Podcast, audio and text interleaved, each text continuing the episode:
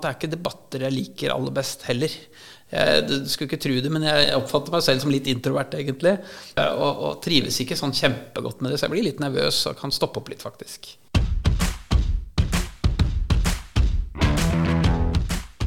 Kampen om stortingsbenken i Sogn og Fjordane er en podkast av Eirin Årdal og Anne Mette Gjelle. I denne podkasten inviterer vi deg bak sceneteppet i valgkampen, og du får bli bedre kjent med ni førstekandidater.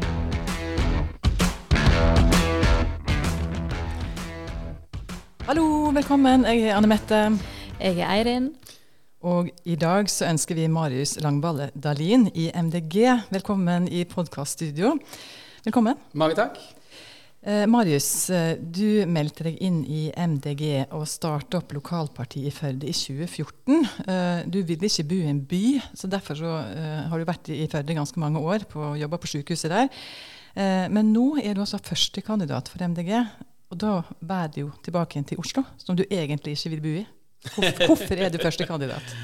Ja, det kan du si. Det er et veldig godt spørsmål. Eh, Min favorittposisjon var faktisk andrekandidat, det skal jeg innrømme. Eh, Så ble det sånn at eh, hun som jeg gjerne ville ha, for jeg syns vi har så mange flotte unge kvinner i partiet, hun trakk seg i siste liten, og da tenkte jeg ja, søren heller, her må vi klemme til og gjøre en innsats for partiet og for klimaet og for naturen. Og, og ta førsteplassen. Og når det først er, så gleder jeg meg veldig til å prøve meg på Stortinget hvis, så, hvis velgerne vil. Vi skal snakke om klima og miljø, og vi skal snakke om valgkampen og partiet ditt. Men aller først så må vi plassere deg litt. Um, og du heter jo Langballe Dalin, og Langballe det er et navn som kommer fra Danmark, forteller du meg. Fortell litt om, eh, om familiehistorikken og, og, og bak navnet. Ja, det stemmer det. Navnet kommer fra Jylland og betyr egentlig et lite sånn høydedrag. Um, jeg har bakgrunn fra Rosendal, eller Langball-familien har bakgrunn fra Rosendal, hvor bl.a. to av mine forfedre var bestyrere på Baroniet faktisk 77 år sammenlignende, mener jeg har funnet ut. Um, og eh, var, egentlig så var vi da var det egentlig en inngiftet kar som het Langballe da, i slekta. Sånt. eh, det er ikke rent genetisk betinget, men iallfall, i alle fall, det kommer fra Rosendal. Og egentlig så er jeg i slekt med stort sett alle som heter Langballe i Norge. Så hvis dere, Inkludert Toppen Beck. inkludert Toppen Beck, ja. Det er, hun er inngiftet tante, da. Ja. Eh, også det morsomme her, da, det er jo at du er urolog. Eh, og det er at du er lege som tar seg av de edlere delene til mannen. Og til noen kvinner. Ja, det stemmer. Og der blir det jo vitsa litt. Liten tvil om det, ja. Og det, altså, jeg òg har jo faktisk opplevd uh, Gjelle betyr jo oppå en hammer.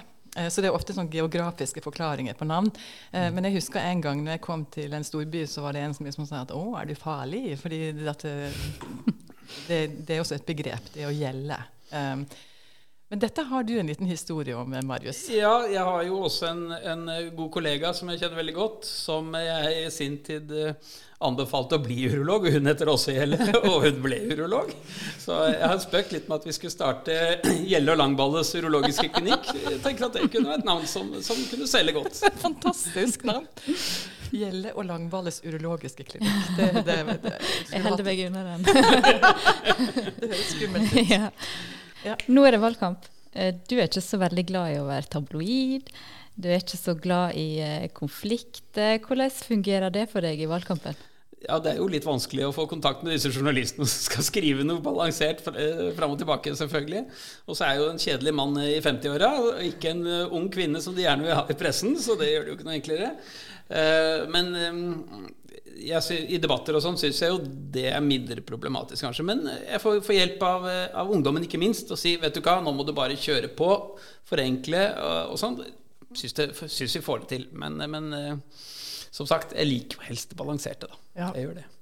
Ja, fordi eh, det, det kan bli for enkelt også. Det kan bli for enkelt. Ja.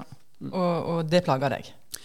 Ja, det smerter litt å så si og vet at dette er bare nesten sant. Eh, Her burde jeg kanskje liksom moderert det litt og justert det litt og sånn. Det plager meg litt. Men samtidig så er jo det som vi, er hjertesaken vår, er jo virkelig så alvorlig at det er jo nesten så vi moder, må moderere det for at pressen skal ta det. ikke sant? Det, det er så dramatiske, de, de klimautsiktene vi har bare kort, tid fram, bare kort fram i tid, at, at, eh, at det er jo faktisk motsatt.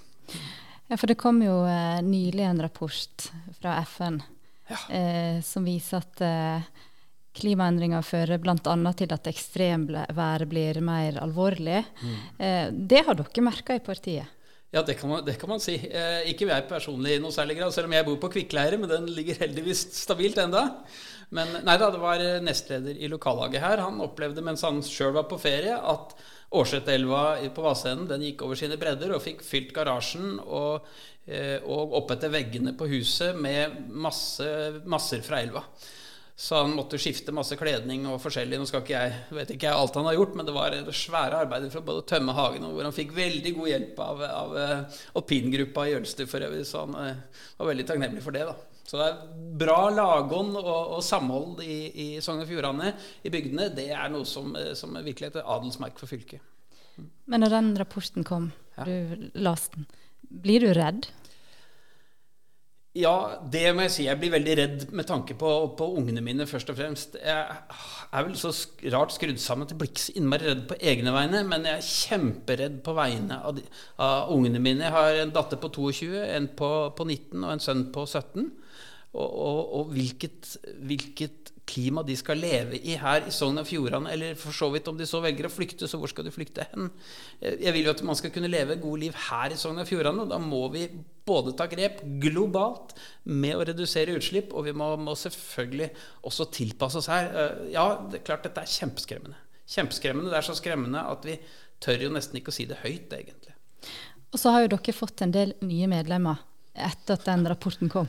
Ja, det er bare helt ellevilt. Eh, det var så Hele medlemssystemet vårt knelte det som skulle telle opp hvor mange nye medlemmer vi fikk siste, siste halvannet døgnet. Det er åpenbart at folk ser alvoret i, denne, i, i, hva vi har foran oss. At nå går det ikke an å ta en sånn ja, nei, men vi skal kanskje fortsette å lete etter litt mer olje eller ikke.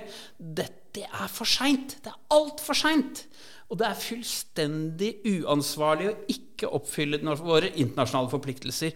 Og gå helt på tvers av hva alle fagfolk sier vi gjør. Nei, men vi sier vi tror fortsatt vi kan tjene på oljen. Det er det mest uansvarlige og det, og det mest urealistiske politikken en kan tenke seg. Men eh, er det, er det travle dager for deg? Eh, er det noe hver eneste dag nå fram til valget? Ja, det, ja da, det blir det. Ja, så, og jeg er skrudd sånn sammen at jeg elsker å jobbe. Så, så at eh, ti og tolv timers dager, det syns jeg er helt fint. Det kan godt gå seks og syv dager i uka. Men det, så det er heller prøve å holde litt igjen er vel egentlig det, det jeg må passe på, tror jeg. Mm. Hva er det beste med å drive valgkamp, da? ja, vet du hva, det, Nå skulle tro det var bare tull, men det er faktisk å gå rundt og banke på dørene til folk og snakke med folk faktisk ute. Det er faktisk det kjekkeste. Og når vi har lært oss litt hvordan man eh, Og det er ikke noe vanskelig å lære seg heller, hvordan man prater med folk. og, og, bare er høflig hyggelig, så er folk kjempehyggelige. Og det er, og det er ofte at det blir, sånn at det blir vanskelig å gå, gå derfra, faktisk. så folk liker å prate, og det gjør vi òg. Eh, så er de Ja. Hvor mange rekker du på en kveld, da? Ja, det, det kommer an på langt kvelden er, selvsagt. Jeg har ikke fått gjort det på langt nær så mye som jeg gjerne skulle. Fordi det har vært så mye annen organisering. Men nå skal vi prøve å gi fullt trøkk på det. Så i morgen så skal vi ha aksjon, og da skal vi holde på i to og en halv time i hvert fall. Men før så, i kommunevalget, så sykla jo du rundt. Hva gjør du nå?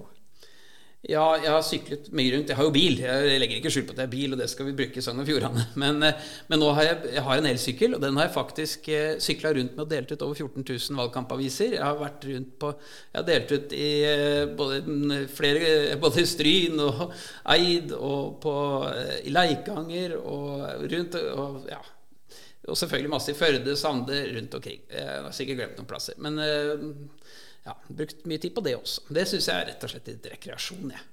Men har du elbil? Ja, elbil også. ja. Den begynner å bli litt gammel nå, men det er en Tesla Model S som jeg har vært veldig fornøyd med. Bortsett fra at det har blitt en del tull nå, da. Så jeg har en liten høne å plukke med dem.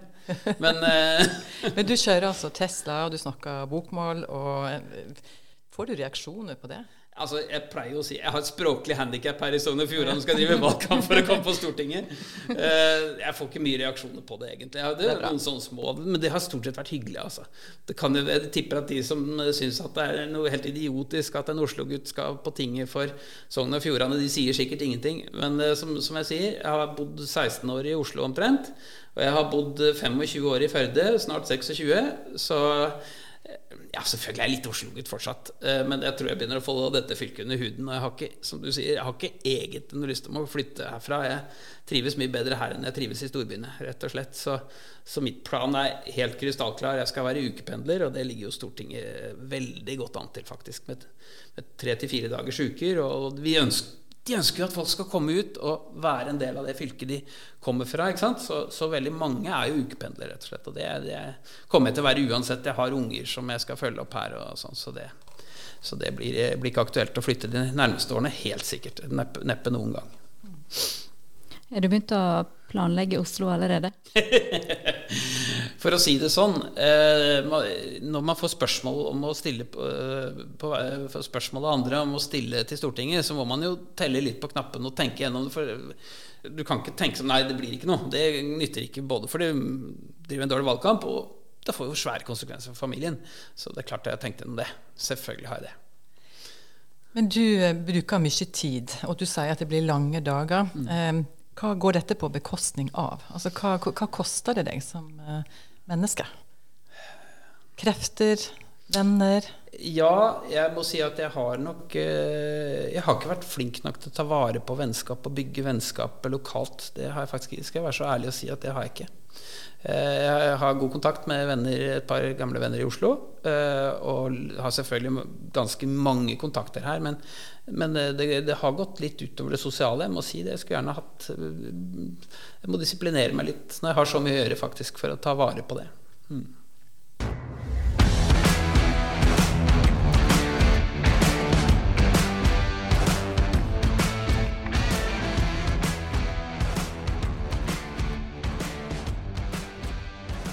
Men det er jo noen som forteller at de er redd for å gjøre feil i valgkampen, redd for å drite seg ut. Er det noe du kjenner på? Jeg tror nesten det er mest for egen del, altså. Gjøre noe som jeg ikke er fornøyd med.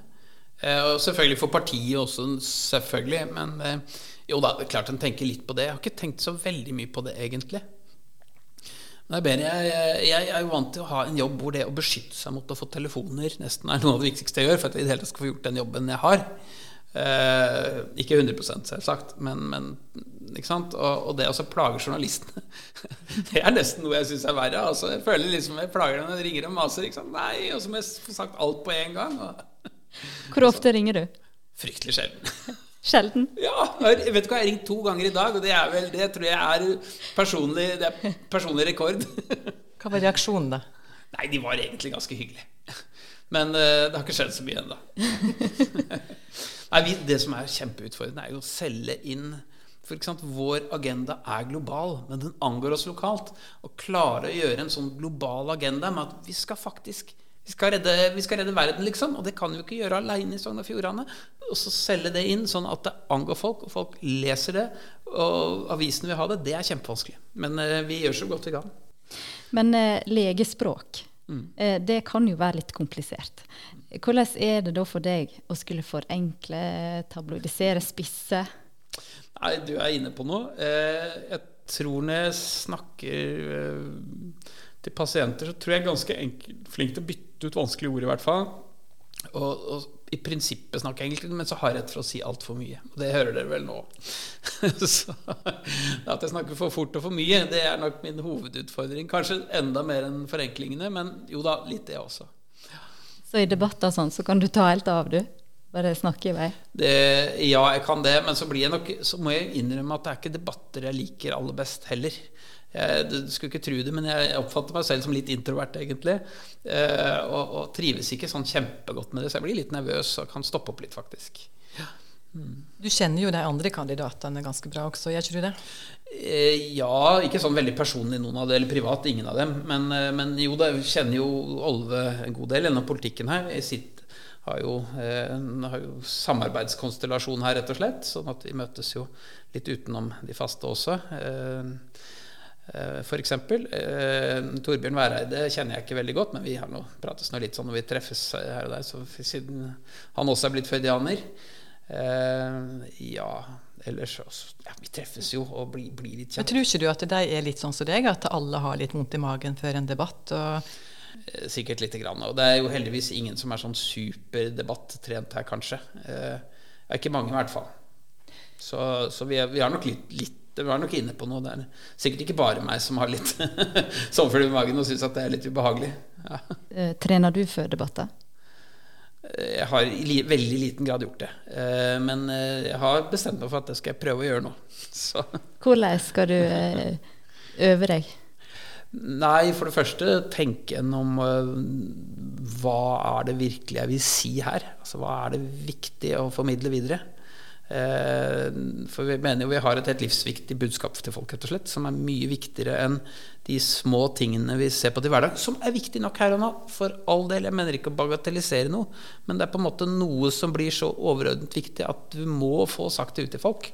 Eh, og prøve å klare å si det på en klar, konsis og kortfattet måte.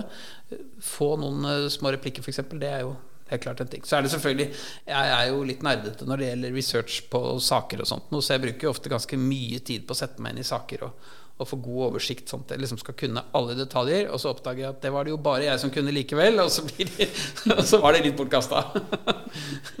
Men hva saker er det du ikke trives med å snakke om? Hva jeg ikke trives med å snakke om? Eh, Helst ikke vil ha. Ja, det blir jo det som vi snakket litt om på forhånd, at jeg syns når ting blir veldig smått i forhold til de store tingene, og debatten får de små spørsmålene til å fortone seg enormt store, eh, da syns jeg det blir litt tungt. Jeg er kjempeopptatt av skole. Jeg har jo unger i skolen fortsatt, og, eller rett og slett sistemann i hvert fall. Og så har jeg noen på, som studerer, eller en som studerer. Så, så det er klart jeg er veldig opptatt av utdanning. Men jeg ser jo de spørsmålene der, hvor små mange av de blir, og hvor små nyansene blir, hvor små forskjellene blir på å gjøre det ene og det andre. Så tenker jeg, hva er det i forhold til å på en måte få hele livsgrunnlaget ødelagt av, av eh, av dårlig politikk nå. Og så ødelegger vi hele både mulighet for arbeid og, og, trivsel og avlinger og alt mulig noen år fram i tid. Da blir det veldig smått. Og graver seg veldig mye og krangler mye om, om sånne småting. Lager nesten skinnenheter om småting. Det, det trives jeg ikke så godt med. Er det alltid miljø- og klimasaker dere blir spurt om? Blir dere noen gang spurt om skole eller helse? Eller? det er veldig sjelden vi klarer å gjøre oss interessante om det. Jeg har prøvd noen ting. Jeg prøvde bl.a. i, i eh, jordbrukspolitikken vår. Eh, og da var jeg sikkert ikke spiss nok, som vanlig. Og da fikk jeg høre at ja, men dette er bare Senterpartipolitikk. Ingen som gidder å skrive at dere har Senterpartipolitikk i MDG. Det mener jo at vi ikke har, da. Men det er klart at vi har Vi er ikke så, så langt fra på, på, mange områder i Senterpartiet. Selv om vi er mye mer opptatt av de små brukene enn de store. Og Senterpartiet står jo litt i spagaten der. Det er jo en del fokus på hvem som skal bli statsminister, eh, hvem som skal samarbeide med hvem. Eh, hva syns du om at det får en del oppmerksomhet nå? Ja, Det er selvsagt noe som, eh, som, de aller største, eller Høyre og Arbeiderpartiet spesielt, og delvis Senterpartiet, har veldig lyst til at det skal være fokus på. Det er selvfølgelig vesentlig. Jeg skjønner at folk syns det er spennende. Men det er klart at det er jo en helt annen ting som som henger over oss som det helt vikt, overordnet viktige. Så det er klart det, det er jo Vi har jo veldig klart svar på at vi mener at vi, vi trenger en ny regjering, for denne regjeringa har sviktet når det gjelder eh, våre hjertesaker, klima og natur, det, men minimale utslipp. og eh, og så, videre. så vi har veldig klart svar på det. Også at vi overhodet ikke vil ha noe formelt samarbeid med Fremskrittspartiet, verken i eller utenfor regjering. Men eh, ja, jeg, er jo veldig opptatt av at vi da får dreid denne debatten over mot det som truer framtida vår, og ikke små tulleting som hvem hvem var navnet på statsministeren de neste fire årene.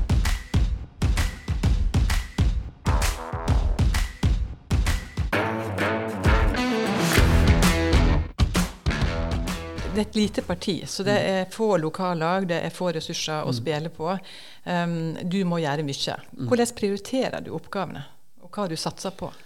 Ja, eh, Vi har en ganske klar prioritering her i fylket. At vi skal prioritere bakkevalgkamp, som vi kaller det. Mye. Dvs. Si ut til folk, ut med, med materiell og ut og prate med folk. Så det skal ha en høy prioritet. Eh, både å få til aksjoner, gå ut og banke på dører sammen med partikolleger. Og det er jo som sagt, når vi blir flere, så er det kjempekjekt. Eh, dele, ut, dele ut avisene sammen osv. Så, videre. så det prioriteres ganske høyt. Og så må vi også prioritere noe å være noe sydlig i media i, i lokalavisene, sjølsagt. Absolutt. Så, ja, men akkurat nå må jeg si at det har vært så mye ferieavvikling at de har jo nesten ikke kapasitet. vet du. Men, eh, Så det blir bedre neste uke. Sosiale medium, da? Ja, vi eh, kan si at eh, det er jo Hvis du ikke har veldig god eh, reach fra før, så er det ikke veldig mye å hente det, med mindre du har ekstremt mye penger. Vi er rent folkefinansiert parti. Vi har vel ikke ett selskap tror jeg, på bidragslisten, så vidt jeg så. Er sikkert, kanskje, dere, Hvis dere sjekker, så finner dere sikkert likevel. Ett ett eller to. Men stort sett så er det privatpersoner som betaler inn til oss. Og det betyr at vi har en begrenset økonomi, og vi kan ikke bruke fryktelig mange millioner på, på sosiale medier, så der må vi begrense oss litt. Men vi, klart vi prøver, vi bruker det noe også. Klart vi gjør. Så ingen annonsering. Det blir, no, det blir noe. Det blir noe. Eh, men det blir sentralt styrt. Så her i Sogn og Fjordane så, vi, så styrer de sentralt for oss hva de, hva de gjør på den siden. Men når du sier at dere har ingen store selskaper som finansierer dere, sånn som i, i, i andre partier, så er det fordi dere ikke vil ha de pengene? Eh, vi har i hvert fall ikke gått ut og Vi er veldig stolt at vi ikke har det. i hvert fall Vi har vel ikke vi har noe klar politikk at si nei, vi vil ikke ha, men vi har ikke markedsført oss eller prøvd å få. Det er en veldig stolthet hos veldig mange i partiet over at nei, vi har faktisk ikke det. Vi har verken fagforeninger eller, eller, eh, eller, partier, eller selskap som står bak oss. Vi, vi, finansierer det med at folk mener at dette er så viktig at uh, vi får inn penger på den måten. Og selvfølgelig gjennom de offentlige støtteordningene som er til alle partier. Men eh, hvis du da eh, havner på Stortinget, hva er det første du kommer til å Altså Det er jo klima- og miljøsak, eh, åpenbart, men hvis du skal avgrense det til en eller annen sak eh, innenfor temaet? Oi, ja, det er veldig vanskelig. Eh, Det er klart at jeg Som jeg sier, at jeg var vel naturverner før jeg visste hva naturvernet var, eh, egentlig. Så, så det Respekten for alt som lever, enten det er planter eller dyr, eller hva det er, den, den er veldig stor hos meg. Så det å kunne ta vare på naturmangfoldet Tenk Førdefjorden, tenk eh, oppdrettsindustrien som ødelegger fjorder og laksebestander osv. Uh, Selvsagt kan man si mye mer nyansert om det også, men, men det, er, det er ting jeg brenner for å gjøre noe med, f.eks. konkret på naturvernbiten. Så, så er det klart at øh, em, det å sikre fylket mot flom og tørke f.eks. er også noe som jeg tenker er kjempeviktig for å sikre oss mot klimaendringene. Og selvfølgelig få ned utslipp eh, nasjonalt. For, for er det noe som er helt sikkert, så er det at eh, forventninger skaper handlinger. Altså Hvis politikerne viser helt tydelig hvilken vei vi skal, at nå er det slutt på oljealderen, nå mm, slutter vi med oljeleting, vi om, vi har en radikal omstilling, ja, da blir det forventninger som får fram investeringer, få fram de gode ideene, få fram det skiftet som vi bare må ha. Det, det er kjempeviktig for meg selvsagt, å bidra til det. Fylke, fylkessammenslåing eller fylkesreversering det er jo også et sånt tema som opptar folk. Og, Ja. og der har du gjort en erfaring.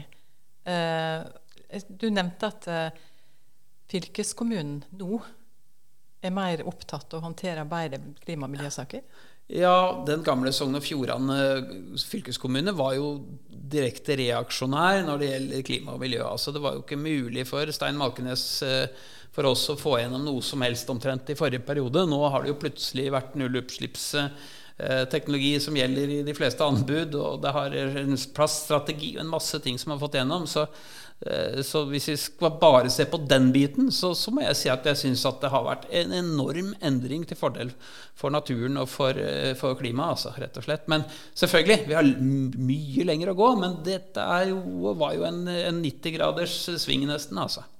Så Det betyr ikke at jeg var noe varm tilhenger av yrkessammenslåing, for det har jeg ikke på noen som helst måte eh, vært. Jeg har tvert imot vært ganske lunken. Men akkurat den biten må jeg si at det syns jeg er helt fantastisk.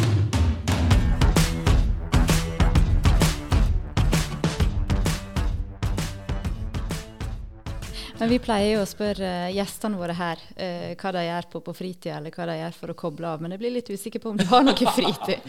Ja, jo da, jeg har jo det. Uh, jeg liker og skal si som alle andre, jeg liker å gå i fjell og sånn, men det, det er litt mer en saying, altså, for jeg har vært aktiv med fjellsport, og det var mye av grunnen til at jeg havna her i fylket, egentlig. Jeg hadde gått en god del på Jostadsbreen, jeg hadde klatra i Horungane, og, og syntes at dette fylket var veldig flott. Så litt tilfeldig også at jeg havnet der, fordi det var to jobber ledig. Jeg ville et sted hvor det var mye fjell.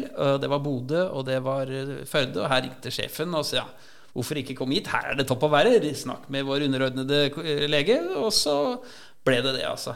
Eh, Så, så dette, dette er noe av det, jeg virkelig liker veldig godt. Jeg springer orientering da, hver onsdag stort sett, når det ikke er, ikke er valgkamp, i hvert fall.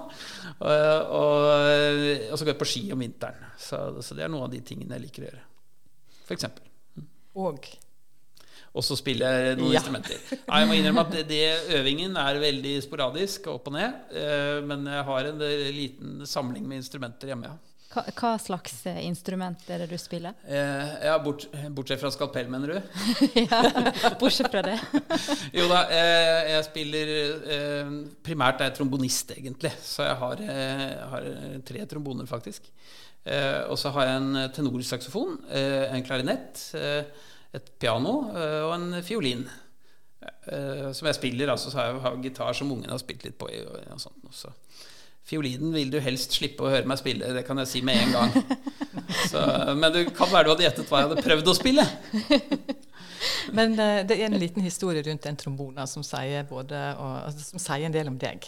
Uh, og, og, Jeg vil gjerne at du skal fortelle den historien fra Haukeland. Oh, ja, det, ja, det, var klarinetten. Men det var, klarinetten, det, var det. Ja, jeg kan, skal ta den ikke ja, nei, altså Ja. Eh, på tross av at jeg er litt introvert, så gjør jeg noen rare ting av og til. Nei, jeg skulle ta den siste delen av spesialiseringen i urologi og generell kirurgi, og kom da til Haukeland. Og på ganske kort varsel, egentlig, for de hadde plutselig en ledig stilling og måtte ha noen inn, og trengte noen som hadde, hadde en del kirurgisk erfaring. Så, så, de ringte og hørte om ikke jeg kunne begynne her om en par uker. eller noe sånt. Så når jeg kom, troppet opp på morgenmøtet på, på gastroavdelingen, så eh, satt det mange alvorlige menn rundt bordet. Jeg kjente et par av fjesene der. Jeg fant meg en plass bakerst i lokalet og satte meg til. Og der bomlet de seg gjennom alt som var, uten at det var noen som tok notis at jeg hadde dukket opp der, egentlig. Ehm, så fant jeg tak i noen av disse jeg kjente litt, og fant ut hvor jeg skulle gå videre. Og gikk gjennom arbeidsdagen, men jeg tenkte dette er ikke noen måte å ta imot nye kolleger på. Ehm, så tenkte jeg hva skal jeg gjøre med det? Så gikk jeg hjem og tok fram klarinetten og øvde litt. Og så Dagen etter passet jeg komme et par-tre minutter for seint til morgenmøtet. Åpnet døra uten at de så meg, eh, og begynte å spille Tante Sofie-sangen på klarinetten. Og marsjerte inn. Og så hadde jeg forberedt et 15 minutters foredrag om min livshistorie, som jeg begynte å, å, å holde foran forsamlingen. Og Stakkars sjefen ble nok først litt rød, og så litt hvit, og så litt rød, og så litt hvit igjen. Og du holdt på? Og jeg holdt på. Jeg holdt på helt til en sa nå, Marius, nå har vi skjønt poenget. Eh, nå kan du sette deg. Da gikk jeg lydig og satt. Var det da du flytta til Førde? Nei, da vet du hva, ble, jeg ble faktisk gode venner med eh, han sjefen der etterpå. Andre ettersom vi, det gikk seg litt til, så det gikk fint, det. Men du, vi har gjort ei undersøking, så vi skal snart avsløre den. Men hva tror du førstekandidaten betyr i et valg? En undersøking? Eh, jo, jeg tror det betyr en god del. Eh, men eh, i hvert fall hvis altså Det som jeg tror er kjempeviktig for folk, er at de føler at de kjenner førstekandidaten. Eh, så en, et parti som har en førstekandidat folk føler at de kjenner, ja, da betyr det veldig mye. Men så er det klart at politikk betyr noe. Ja. Vet ikke, Det var et dårlig svar kanskje på spørsmålet, men Nei, men hvor godt kjent i Sogn og Fjordane tenker du at du er? At de er godt kjent i Sogn og Fjordane? Nei, jeg kan ikke tenke meg så innmari godt kjent i Sogn og Fjordane. Det, det, ville overraske meg nesten. Men det, det, når, man, når, jeg hører jo disse, disse, som jeg tenker er profiler, sånn som Olve Grotle f.eks., som jeg ser på som en flott fyr og en god, god, profil, og så har jeg spurt litt rundt i fylkene. Jeg har vært rundt liksom, ja, ikke sant, Dere vet vel hvem som er for Høyre? ikke sant? Eh, nei, ja, ja, det er Olve Grotle. Hvem er det? Eh, og, og, da tenker jeg nei, jeg, må, jeg kan ikke være Da er jeg iallfall ikke særlig kjent, jeg heller. Men du, eh, vi får sette over til taleknuseren vår, som kan gi deg fasiten her. Ja, ja, ja, flott. DJ og tallknuser. DJ og tallknuser, eh, ja. Jeg skal, det skal sies at det er 74 svar, så du får ta det for det det er. Men, men, når vi spør om hva som er viktigst for deg når du skal stemme under stortingsvalget, så, så sier jo 77% at det er politikken. Mm. og så er det 12% som sier partiet. Og så er det 10% som altså 9,5 som sier førstekandidaten. Mm. Men når vi spør hvor mye har førstekandidaten eh, i Sogn og Fjordane å si når du skal stemme, så er det ganske mange som, uh, som går høyt opp, altså. Mm. Uh, og, så det kan jo bety at en kan vippe litt, da. der en er litt usikre, så er det liksom like, er, er førstekandidaten likandes. Mm. Mm. Uh, og det er jo troverdighet som mange peker på. Mm. Og det kan jo bli en valgthriller i Sogn og Fjordane. Det kan det absolutt bli. Så ja, det er klart, Vi syns jo dette er kjempespennende. Mm. Så, ja. får vi, ja, så får vi håpe at det syns befolkningen òg. At de er så, så syns det er så spennende at de drar ut og stemmer. da. For som jeg sier, at hvis du ikke stemmer, så er det de som er mest uenige med deg, som, taper, som tjener på det. Så, så, i alle fall, uh, uansett du, hva man måtte stemme, så, så, dra nå ut og bruk stemmeretten. Og det regner jeg med at dere to er, er enige med meg. 100 Men du, du, bruker jo mye tid og krefter på dette her, eh, og er jo veldig engasjert. Hvis det går skikkelig dårlig dette her valget, uh, tar du det personlig? Blir du lei deg? Jeg liker jo aldri å tape og en, eh, se at nå har jeg gjort en dårlig jobb. Eh, den er det vel ikke så veldig mange som gjør. Men eh, jeg er jo også sånn skrudd sammen sånn at jeg liksom tar det ned til små bitene og sier ja, ja, men det var ikke så ille. Vi, ja, kanskje vi gikk fram et par promille, ikke sant. Ja, men vi hadde tenkt mye mer. Ok. Ja, så, så hvis så gale skulle være, så så lever jeg med det. altså. Og det å ikke komme på Stortinget tar jeg helt avslappet. Det aner dere vel antagelig. Men, du vil helst være her, egentlig? Ja, altså, vet du hva, nå, nå, har jeg jo fått lyst på det. ikke sant? Nå har jeg innstilt meg litt på det, så jeg har veldig lyst til å komme på tinget og gjøre en jobb der eh, sammen med, med, en fantastisk gjeng. Skal vi avslutte med å ønske han lykke til, sånn som vi gjør med alle andre? Det må vi gjøre. Lykke til. Takk for at du stilte opp. Eh, det var veldig hyggelig. Jo, bare hyggelig. Kjempekjekt å være her. Det var det, Janne Mette. Takk til deg som hører på. Og send oss gjerne ris eller ros. Det kan du gjøre på Facebook-sida vår. Kampen om stortingsbenken SFJ. Og hør gjerne på de andre kandidatene også. Ja. Ha det bra. Ha det.